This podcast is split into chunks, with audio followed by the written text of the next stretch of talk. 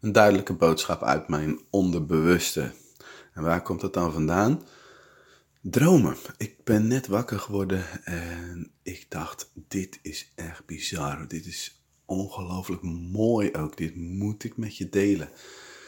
Want als ik die vragen elke dag stel van wat zou ik vandaag doen als ik wist dat ik nog maar één jaar te leven zou hebben, dan moet ik ook naar mijn dromen luisteren. Want weet je, ik vind dromen fascinerend. Wat je droomt heeft een betekenis. En de betekenis kun je natuurlijk overal zelf aangeven. Maar dit was dus zo mooi. Um, wat is de droom? Ik droom dat ik bezig ben met een hardloopwedstrijd, 1000 meter. En het doel is om binnen 3 minuten 25 te lopen. Want dat liep ik toen ik 11 jaar was. Dat was een clubrecord toen. 3 minuten 25. En ergens in 2010, dus toen was ik 8 jaar geleden 39 jaar oud. Oh ja, ik weet het nog.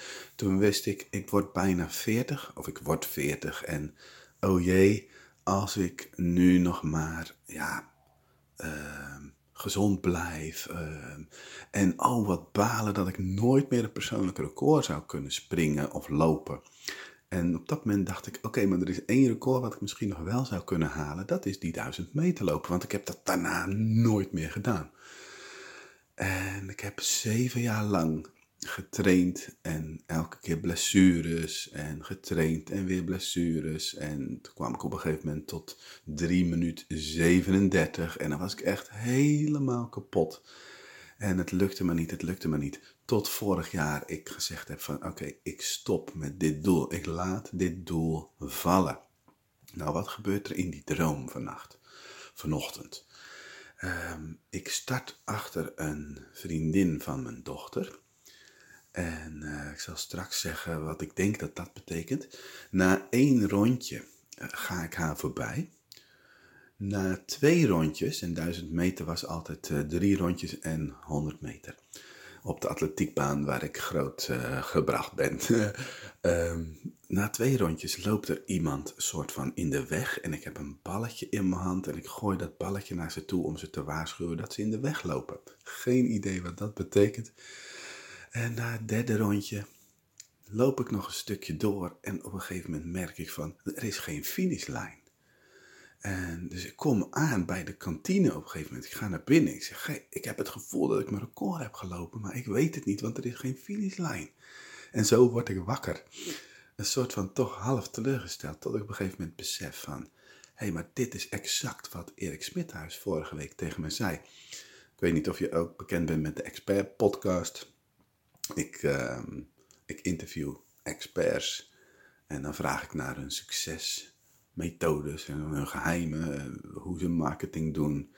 En Erik die zegt aan het eind van, uh, van het gesprek, hij is trouwens de oprichter van ICM, 240 trainers huren zij in. Uh, drie keer beste opleider van Nederland. Drie keer in de top drie van beste werkgever. Dus daar zat nogal iemand. Hij zei, Weet je, dit wil ik ook nog delen met de luisteraars. Een paar jaar geleden liep ik eh, Santiago de Compostela, eh, zes of acht weken wandelen. Een beetje een spirituele tocht.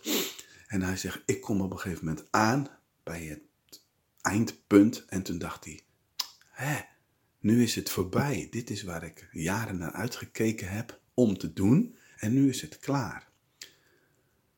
Hij zegt, de reis is het doel. En dus dat ik die finish nergens zag en daar even teleurgesteld over was. Hugo, luister daar. De reis is het doel. En um, dat betekent voor mij, als ik dit vertaal vanuit mijn onderbewuste, is dat ik uh, mag genieten. En dat doe ik ook wel hoor, maar uh, teleurgesteld als het doel niet bereikt is. Nee, genieten van de reis. Dat is het doel. En dat vond ik eigenlijk zo'n mooie boodschap vanuit mijn onderbewuste, dat ik zoiets had van, uh, dat moet ik met je delen. En dat meisje wat voorop liep, dus een vriendin van mijn dochter zit bij haar in de klas, die heet Dorothea. Door, zit het woordje door in, dus ik moet doorgaan. Ook bij tegenvallers, bij teleurstellingen. jij moet ook doorgaan als het niet lukt, als het niet goed gaat. En ehm, nou, laten we met z'n allen gaan doen waar we voor gemaakt zijn. Onze dromen in vervulling brengen door het gewoon te gaan doen. Door op een reis te gaan en daar ongelooflijk van te genieten. Ik wens je een fijne dag.